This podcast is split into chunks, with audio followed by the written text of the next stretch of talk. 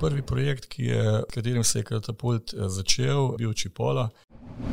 Jaz od takrat sem mislila, da je katapult samo za neke tehnološke produkte. Japonci, tu je pa nočna mora. S pomočjo katapulta, s tako podporo, lahko testiraš, brez da bi karkoli riskiral. Zakaj sem to zapisala in vse te modrosti ponudiš še drugim? Se enostavno, ne? Sem šel trikrat v hribe s Petro, pa je pa zapisala, pol si je zmislila, pa je ne.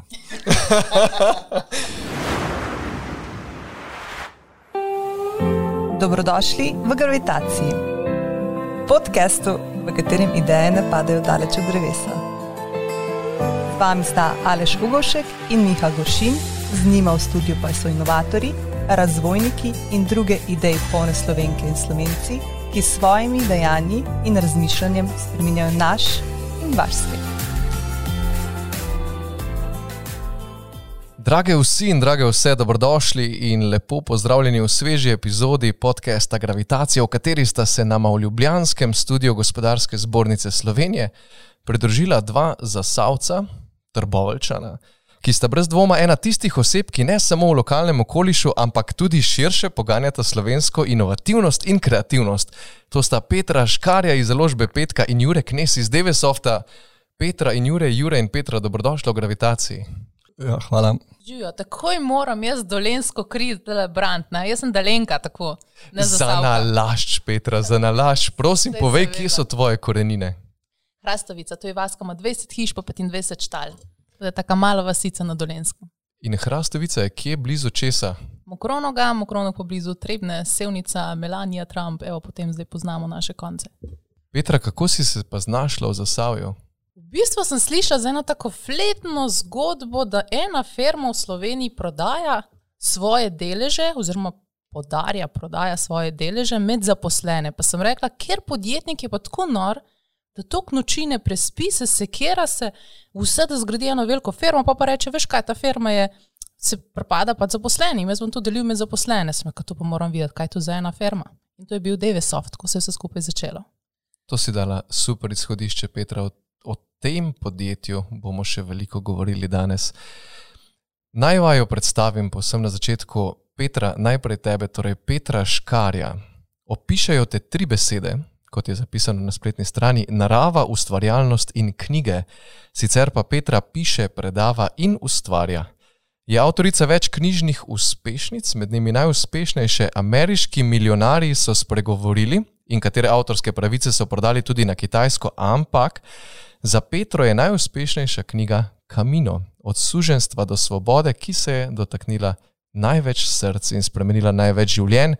Veliko upanja pa Petra gotovo polaga na knjigo Akrobati in tudi o njej bomo danes veliko govorili. Petra je z ljubezni do knjig ustanovila založbo Petka, ki je tudi prejemnica srebrnega nacionalnega priznanja gospodarske zbornice za inovativnost leta 2019. No, na njeni desni pa danes sedi Jurek Knes, ki je soustanovitelj in večinski lasnik podjetja Devesoft je ustanovitelj in lasnik podjetniškega pospeševalnika Katapult in je nasploh vizionar, ki podpira podjetnost in ustvarjalnost. Je mož in oče, pazite, štirih otrok, prejemnik nagrade Gospodarske zbornice Slovenije za izjemne gospodarske in podjetniške dosežke za leto 2013, delova podjetniška zvezda 2017 in ne bom našteval naprej, ker vem, da se Jure vendarle ne rad hvali z raznimi titulami. Je pa trbovelčan, doktor strojništva, največje veselje pa mu predstavljajo potovanja ter pohodništvo, je pa velik ljubitelj feratanja in rad obnavlja staro. Jure, takoj imam vprašanje za te. Kratek video, ki sta ga s Petro posnela za knjigo Akrobati, je posnet na eni posebni ferati. Pogledal sem ta filmček in šele ko sta priplezala do vrha, sem videl, da je to vinsko-gorska ferata in sicer v Lipju pri Veleju. In ker sem lokalc iz tega okolja in ker sem pod to ferato veliko preplezal, sicer v lokalnem plezališču pod ferato, me zanima, ali ti je ta in tudi tebi, Petra, ta ferata primerljiva s ferato Via Italijana na Mangard, Jure. Ja, jaz mislim, da gre za dve uh, drugačni uh, ferati. Uh, ta um, v Velenju je meni uh, še posebej ljuba. Uh, zaradi tega, ker je kratka in sladka. Ne. Je dokaj težka. Imam osebni izziv, da bi jo rad priplezal brez pomoči pač zajle, ne, kar jo nekako še bistveno oteži. Vem, da je to možno, nekateri so že to tudi pokazali. Tako da, glede na to, da je zelo blizu, zelo rad hodim v velenje in je, in je veliko krat obiščem. Uh, Mangati pa je pa posebno drugačna, je pa daljša, uh, lažja, uh, tehnično, um, ponuja pa res neverjetne razglede. Tako da, kot, kar se tiče plezalnih poti, je ta uh, Via Italijana, pa potem slovenska pot na Mangard, uh, resnično ena izmed najljubših.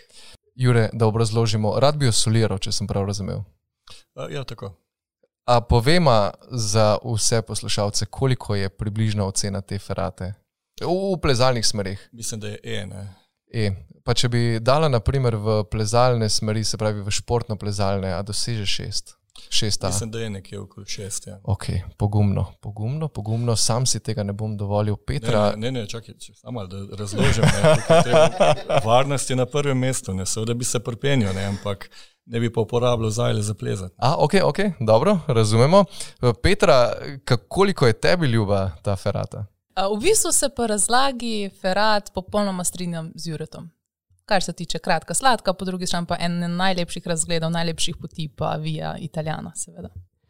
V knjigi tam tudi piše, živi v trenutku, tukaj in zdaj. Zdaj me zanima, A vidva doživljate to plezanje tako kot odklop, ne vem, kaj si predstavljal, nek tekst odklopiš, pa tečeš, ali eh, živite v trenutku, pa se držite za gore? Ja, eh, v bistvu vsako, vsak pohod v gore eh, je nekako odklopne. Ne samo feratanje, ampak tudi pohodništvo. Sploh za mene, če dali čim više je gora, tem bolj to občutim. Vsakodnevne težave postajajo nekako mehne, tisti problemi, ki se zdijo v dolini veliki. Ne se nekje ne vem, na nek, nekakšnih 4000 metrov, ker pa nekako porazgubijo, ostane samo tisto golo preživetje.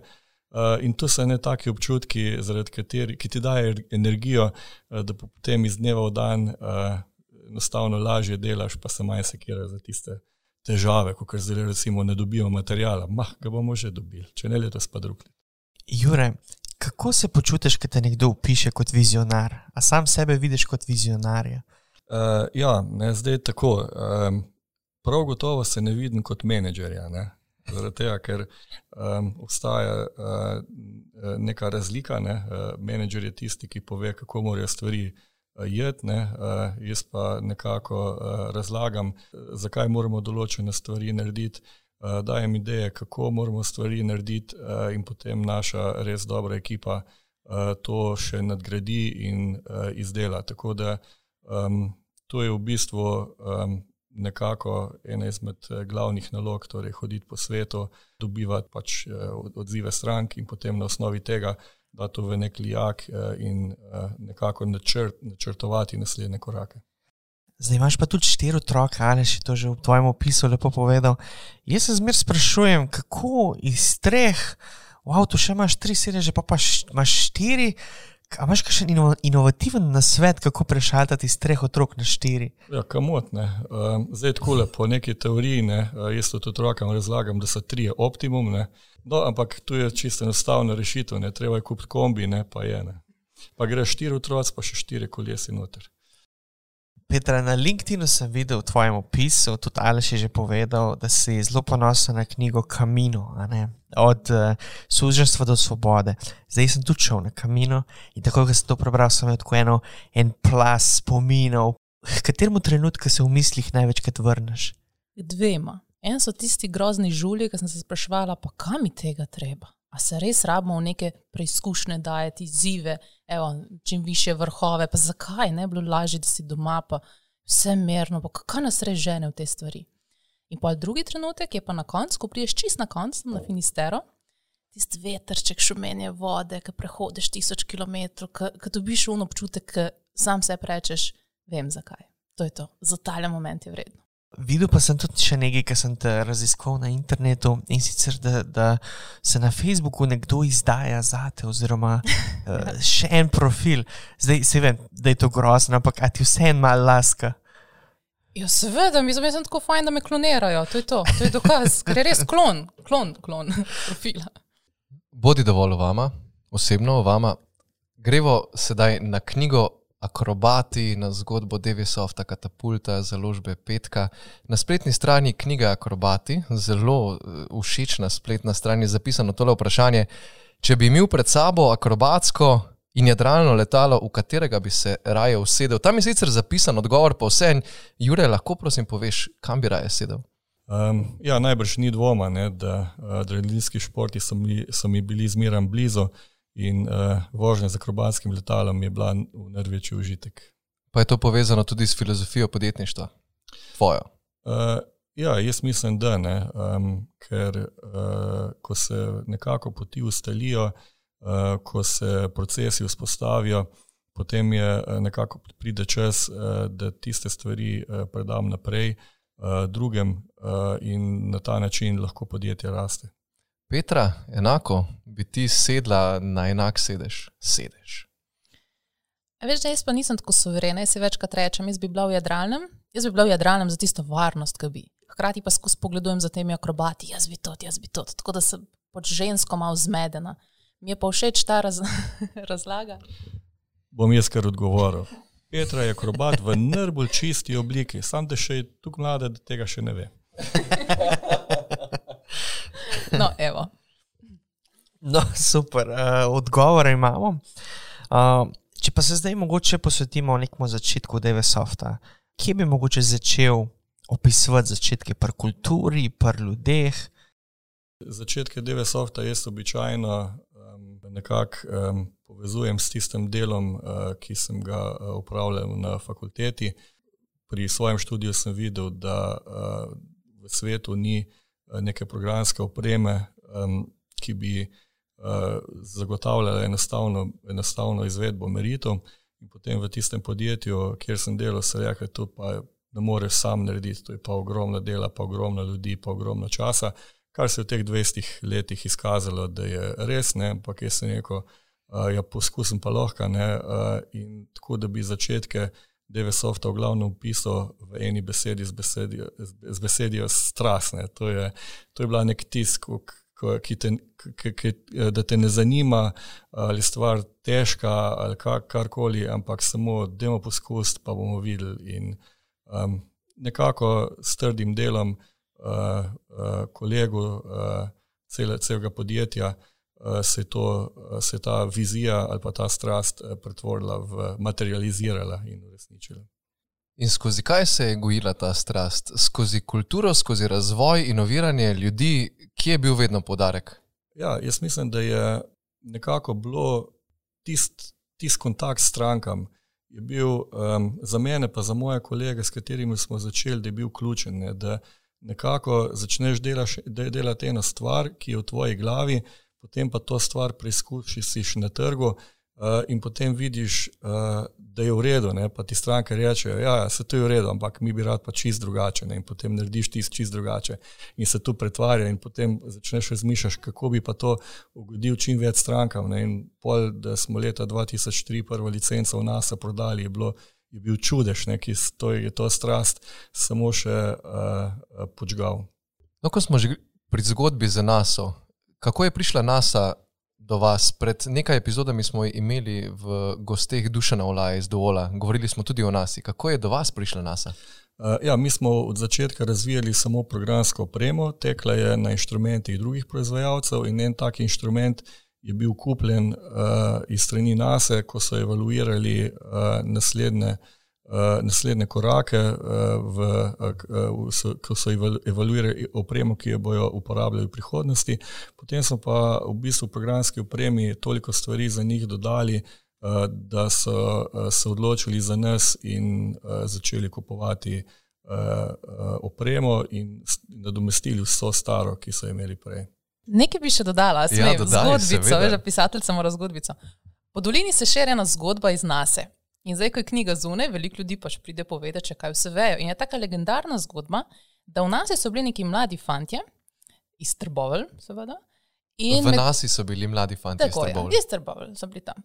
In potem med kosilom so se pač iz nas, tisti njihovi razvijalci, pogovarjali, pa nikakor po vseh mestih niso prišli do rešitve, kako bi neki skup dal. Pa pa pride en mlad fant iz Slovenije in ene četrtič, petič pa pride do njih in reče: Fant, kaj pa če vi tako naredili? In oni pogledajo, to je to, rešitev. In to je bil Jurek Nest.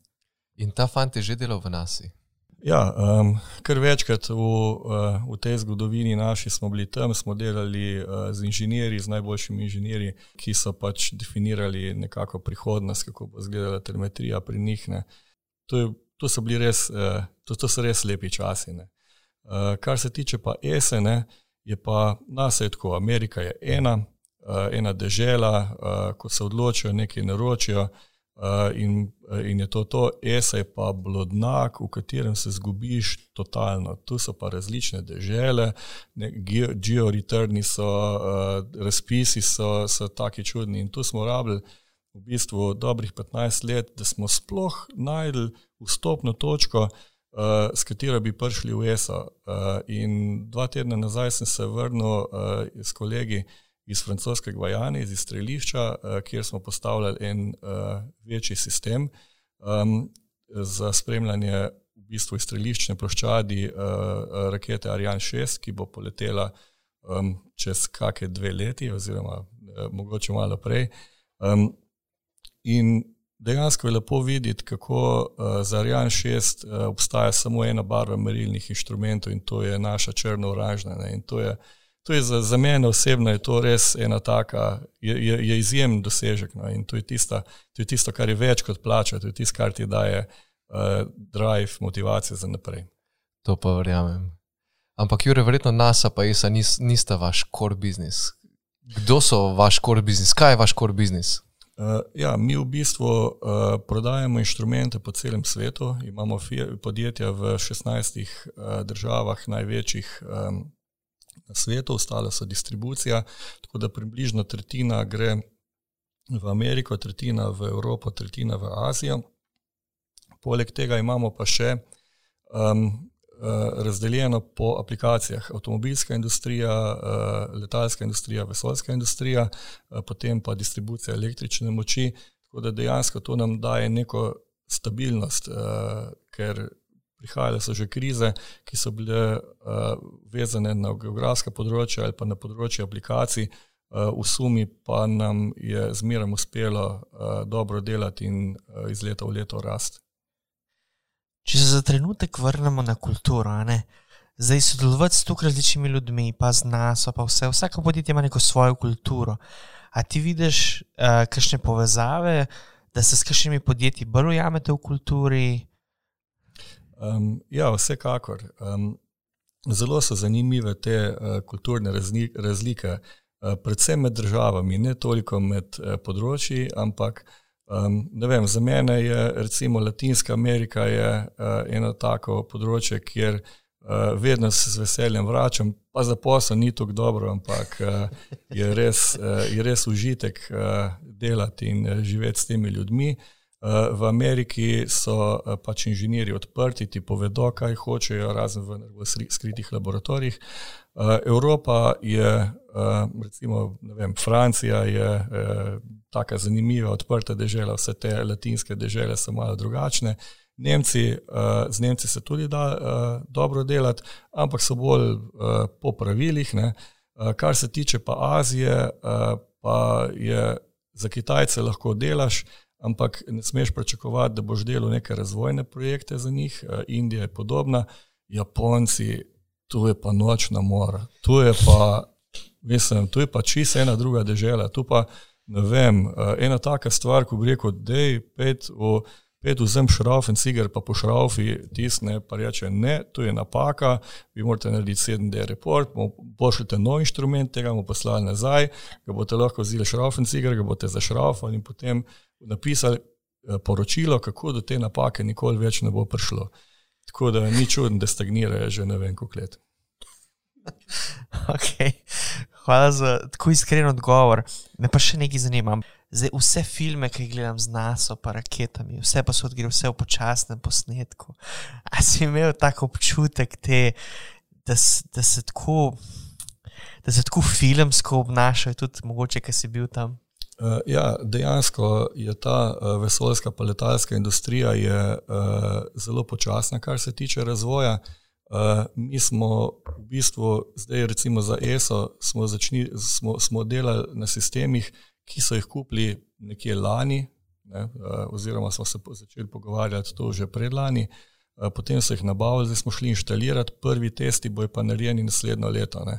In v teh industrijah tudi zaradi narave dela, uh, ker si res ne želijo neuspehu, uh, so vsi te postopki počasni, vse preverijo stokrat, ampak potem na koncu veliko večja verjetnost za uspeh, pa še včasih jim, jim kaj uh, ne uspe. Ampak dejansko, dejansko je tako, točno tako, kot si rekel. Ne. Ko smo recimo prišli ta prvič v NASA, je, je naspeljal uh, ta glavni inženir v uh, kontrolno sobo od Space Shuttle. Ne, in je rekel, welcome to the blast from the past. Ne? In dejansko so bili tukaj tam noter računalniki, ki jih najdeš samo še v uh, muzeju. Uh, no, zdaj je z novo raketo uh, in tudi naš, naša, naši sistemi so bili eni izmed redkih stvari, ki so bili prenešeni iz programa Space Shuttle na nov program Orion, uh, Heavy Launcher SLS.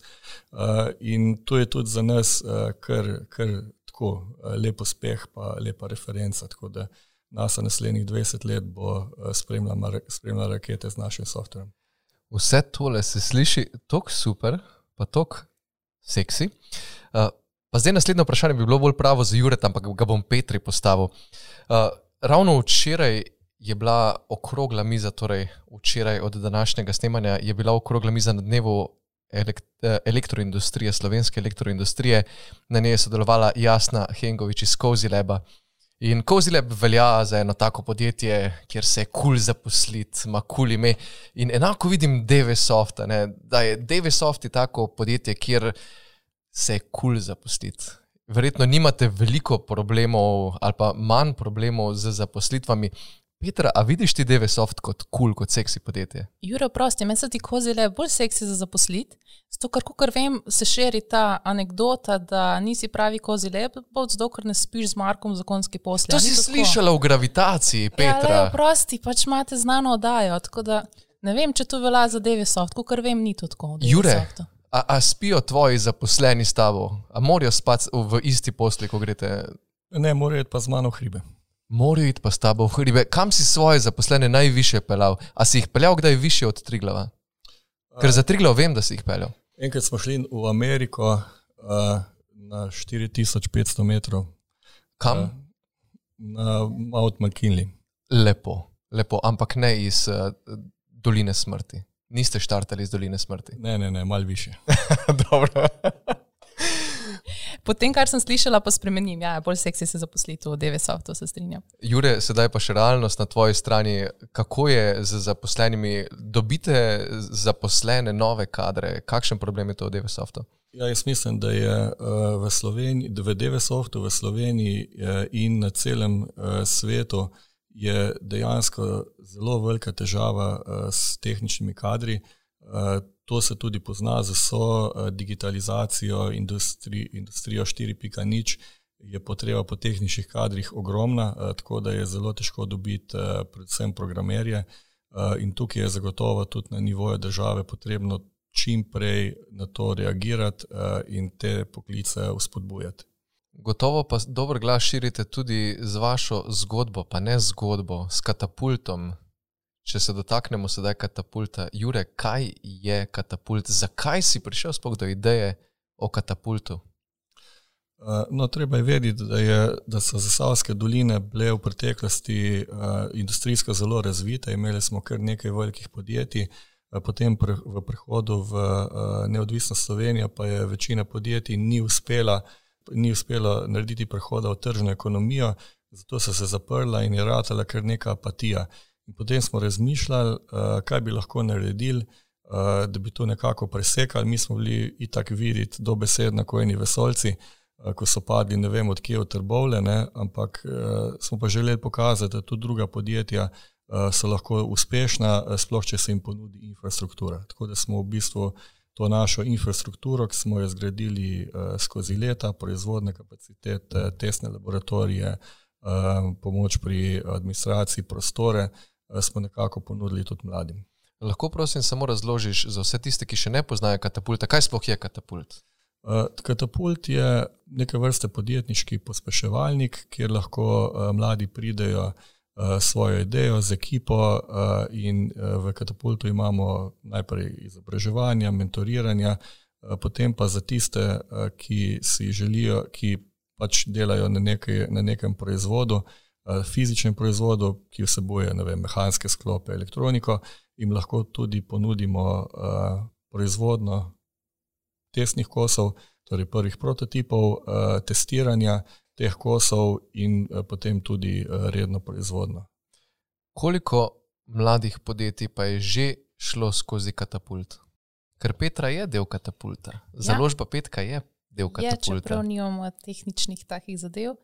Uh, ne vem točno številka, številke, koliko je ljudi šlo čez katapult, ker je zelo veliko takih, ki nudijo samo na enem področju pomoč, tam, kjer smo najbolj šipki. Recimo, založba nima tehničnih nekih produktov, hkrati mi pa oddelajo vse računovodstvo, administracija, pravne zadeve, skladiščenje, pošiljke. Se pravi, ves ta del mi katapult oddela. Zato, ker sem jaz razumela ta katapult z vidika enega uporabnika, ki ni nek inovativen v produktu, je v tem, da ko ti začneš nimaš tako začetne investicije, večina nima, da bi kar zaposlil par ljudi, najel prostore in zdaj na veliko začel vse skupaj delati. Ali pa rabiš stroj, pa ga v bistvu na začetku ne rabiš za 8 ali 10 ur na dan. Na katapultu se pa najde 20, 30, 40 malih podjetij, ki reče: V redu, jaz rabim njo za pol ure na dan, pa on eno uro, pa on eno uro, pa jaz rabim stroj za dve ure, on za tri ure in skupaj to rata neka celota, da si podeliš začetne fiksne stroške. In na ta način ti omogočijo, da lahko svoje ideje testiraš brez nekih večjih investicij. In konec koncev je to največja varnost, da sem sploh šla sprobati to idejo založbe. Sama verjetno ne bi šla v to.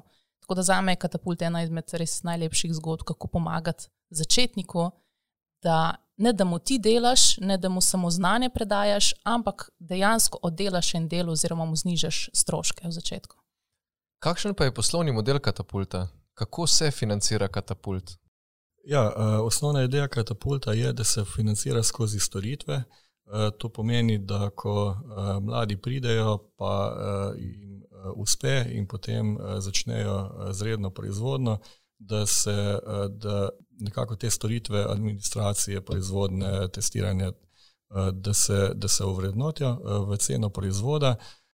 Nekaj je za mentoriranje, pa za izobraževanje tudi financiranje strani države. Uh, pa, je pa v katapult uh, v, uh, v listini ustanovni zapisano, da je neprofitna organizacija, tako da v bistvu vse tisto, kar se ustvarja, se potem porabi za, za mlade. Bom še drzen, pa bom vprašal zelo konkretno in direktno. Jure, če bi lahko izpostavil nekaj projektov, ki so ti res ljubi iz katapulta, katere bi izpostavil, pa zaenkrat pustimo založbo petka ob strani. Uh, ja, prvi projekt, ki je v bistvu, s katerim se je katapult uh, začel, uh, je bil Čipola. To je bila ena taka za mene zelo dobra zgodba, kjer je v bistvu resnično se videla strast in še danes fanti in dekleta gorijo za ta produkt in ga razvijajo. Um, zdaj, pa, zdaj pa pri teh mlajših podjetjih pa eh, ne bi želel nobenega izpostaviti, zaradi tega, ker so mi vsi ljubi. Uh, tako da uh, dejansko je lepo videti uh, te mlade, ki ustvarjajo, pa ki najdejo v katapultu neko mesto.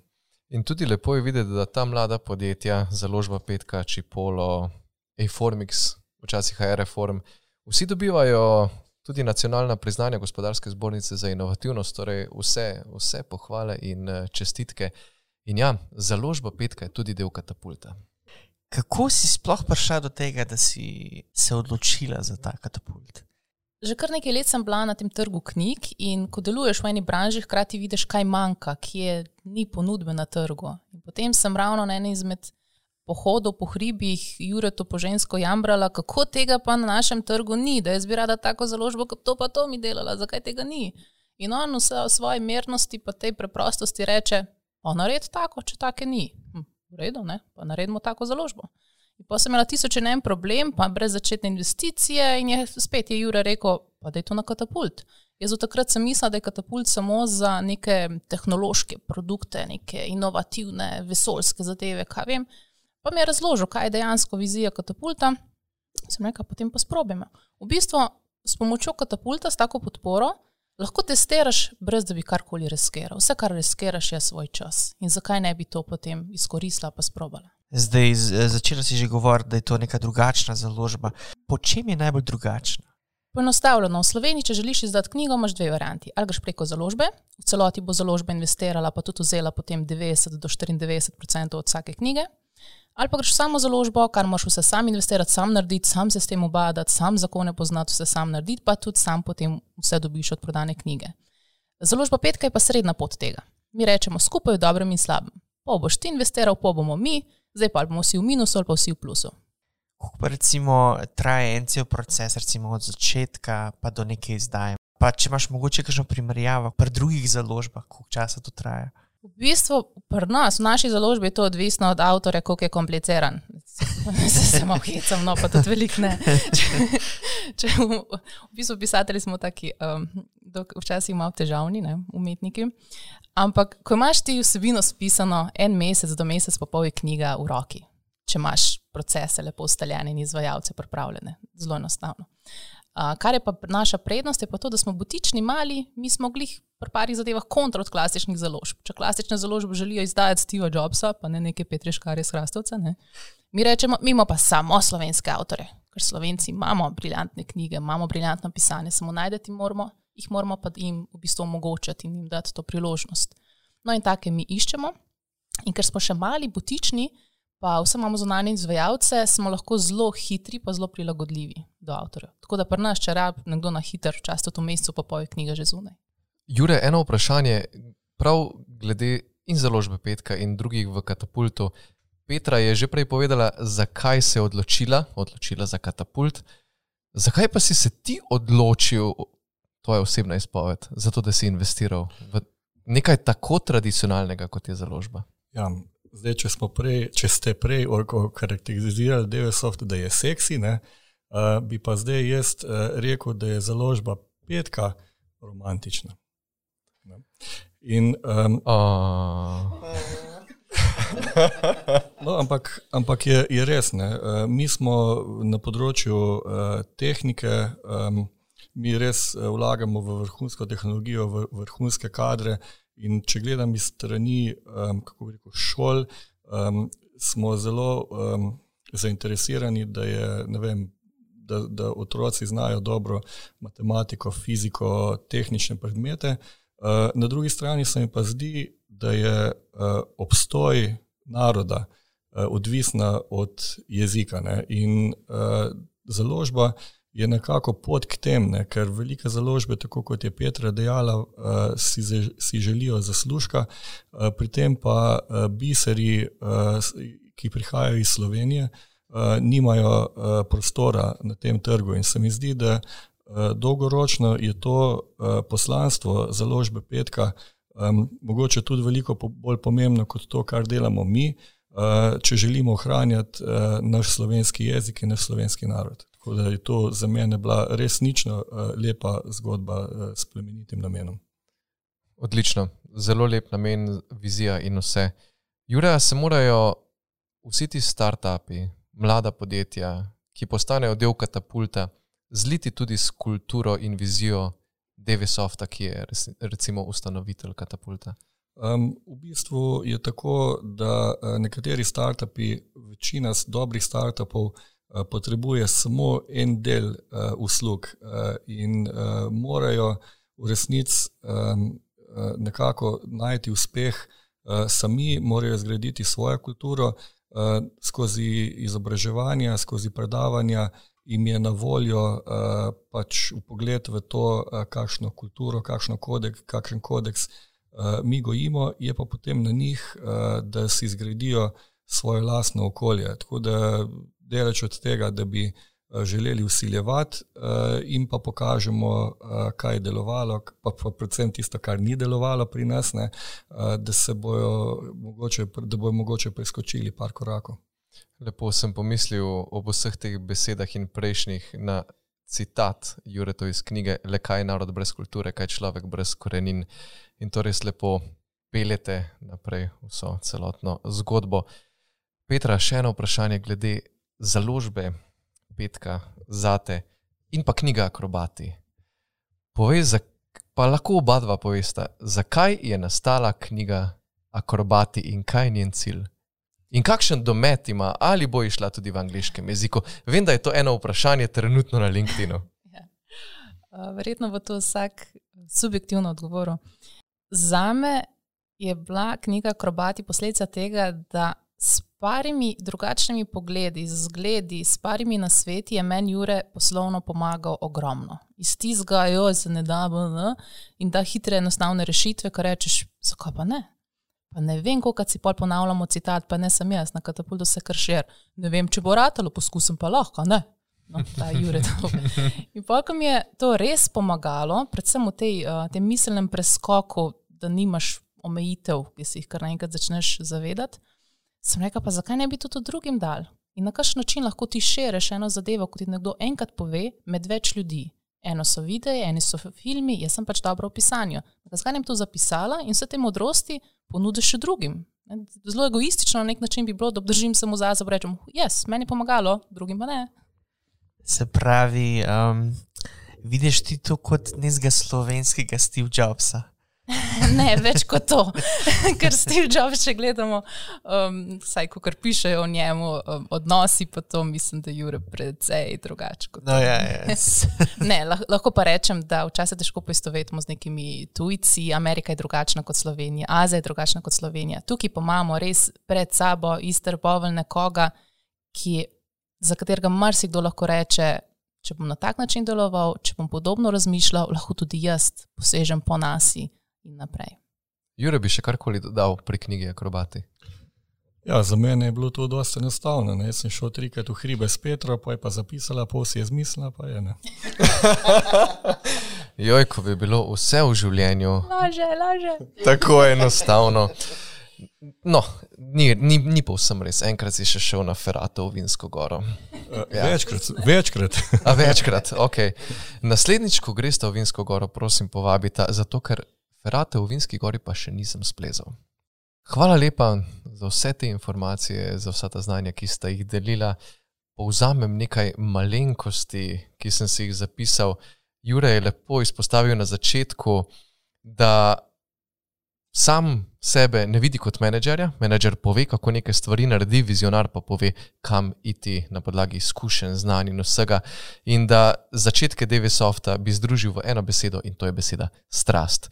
Da ključen je bil kontakt s strankami, Uh, Jurek je izpostavil, da z vsemi se da dobro delati. Govorimo o državah in o partnerjih, ampak z ja-, Japonci so pa nočna mora. Tu smo se pošteno nasmejali, da je katapult izšel iz tega vzgiba, kaj bi lahko naredili tudi v lokalnem okolišu za podjetja in širšo skupnost, da založba petka temelji na tem, da avtori dobijo več ne samo finančno, tudi več vsega kot pri klasičnih založbah, in pa da vsak, tako založba Petka kot avtor, investira svoj delež, in pa da je obstoj naroda odvisen od kulture in jezika, in založba kot je založba Petka, je vsekakor pot do tega. Torej, malenkost nekaj podarkov, ki so odzvanjali.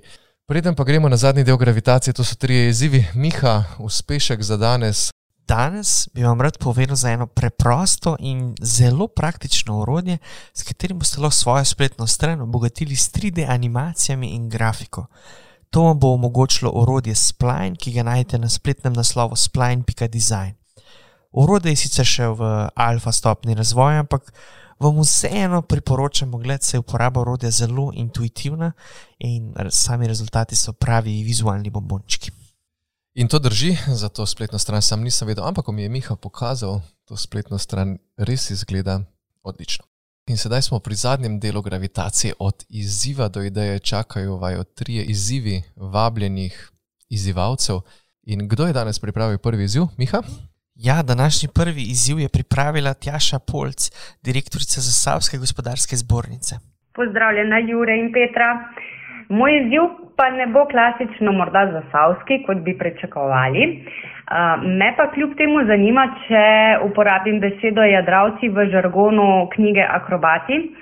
Me zanima, ker namreč po nekih raziskavah je 80 odstotkov zaposlenih jadravcev oziroma brez strasti za delo. Me konkretno zanima, kaj bi vidva storila, da se spodbudi strast za delo pri zaposlenih. Ja, uh, zdaj jaz uh, s tem uh, razmerjem se nekako strinjam. Če bi bilo recimo v našem podjetju drugače, pa bi bilo 80% akrobatov, bi najbrž podjetje ne bi dolgo delovalo.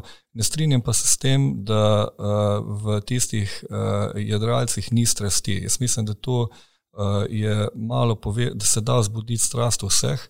Um, strast do dela, pač nekateri radi hodijo po neuhojenih poteh, drugi pa po uhojenih, ampak delajo, ampak upravljajo svoje delo uh, s strastjo, pa uh, uspešno. Uh, tako da uh, mi dejansko že leta in leta, uh, recimo danes smo imeli tudi v avto en pogovor uh, o sistemu solasništva, pa o sistemu nagrajevanja, um, ki tudi v Sloveniji nekako dobiva uh, svoje mesto, um, s tem, da razlagamo zakaj.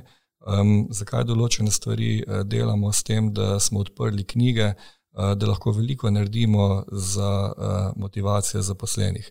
Pa še nekaj, ne? recimo prejšnji teden smo imeli eno tako res dobro fešto, najbrž ta zadnjo, ki jo bomo lahko naredili, tako da včasih se je pa treba tudi poveseliti in pol to drži vsaj tri mesece. In kje je bila ta fešta?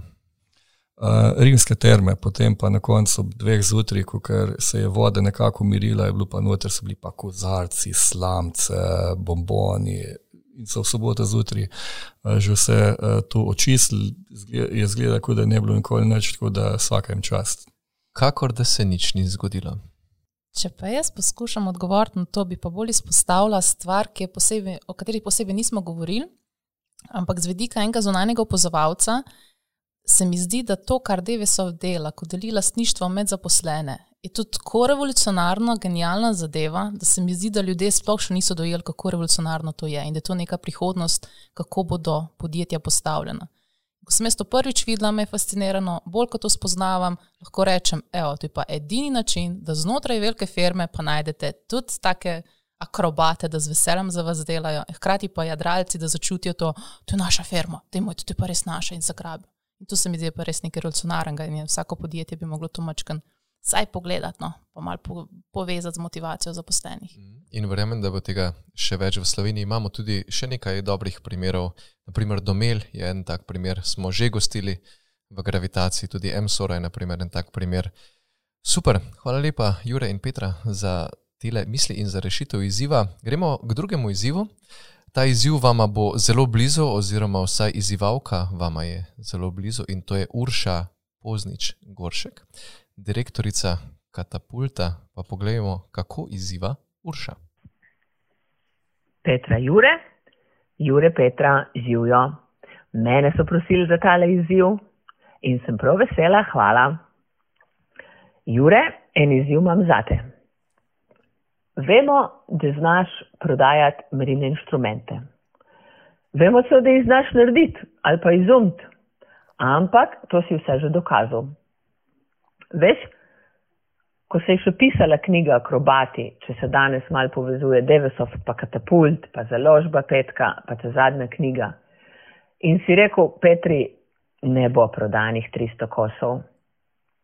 Evo, zdaj pa jaz izzivam tebe, da ti prodaš naslednjih 300 kosov akrobatov, da vidimo, kako se pa kaj znajdeš v knjižnem marketingu.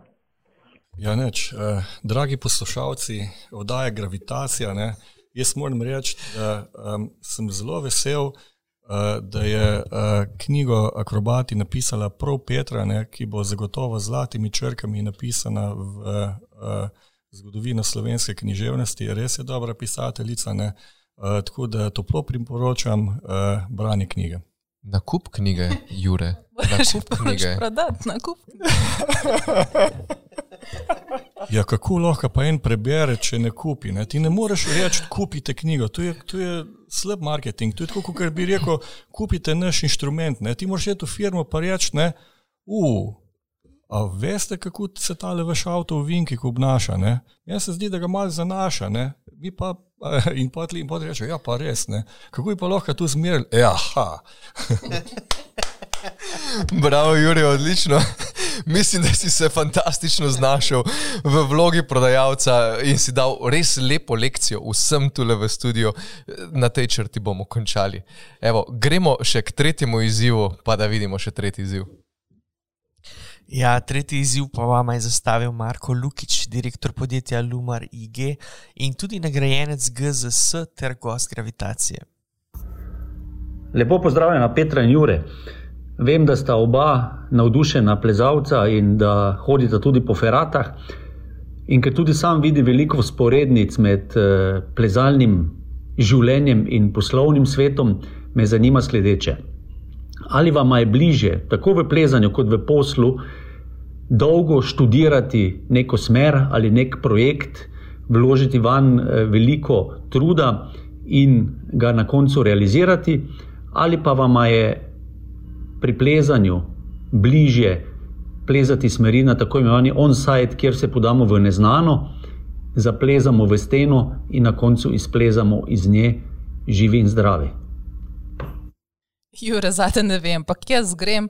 Tam so rekli, da je ena stena, pa grem tam dol, pogledam, kje se začne. Uf, uh, tle je znakec, bi to bilo, to poprobujemo, pa pa pride že na sredo, pa en italijan pride, pa vprašaš, kam greš pod vi na slovensko, ojo, a tu tam, da je pa probati, ja, aha, in pa kar nekam prideš.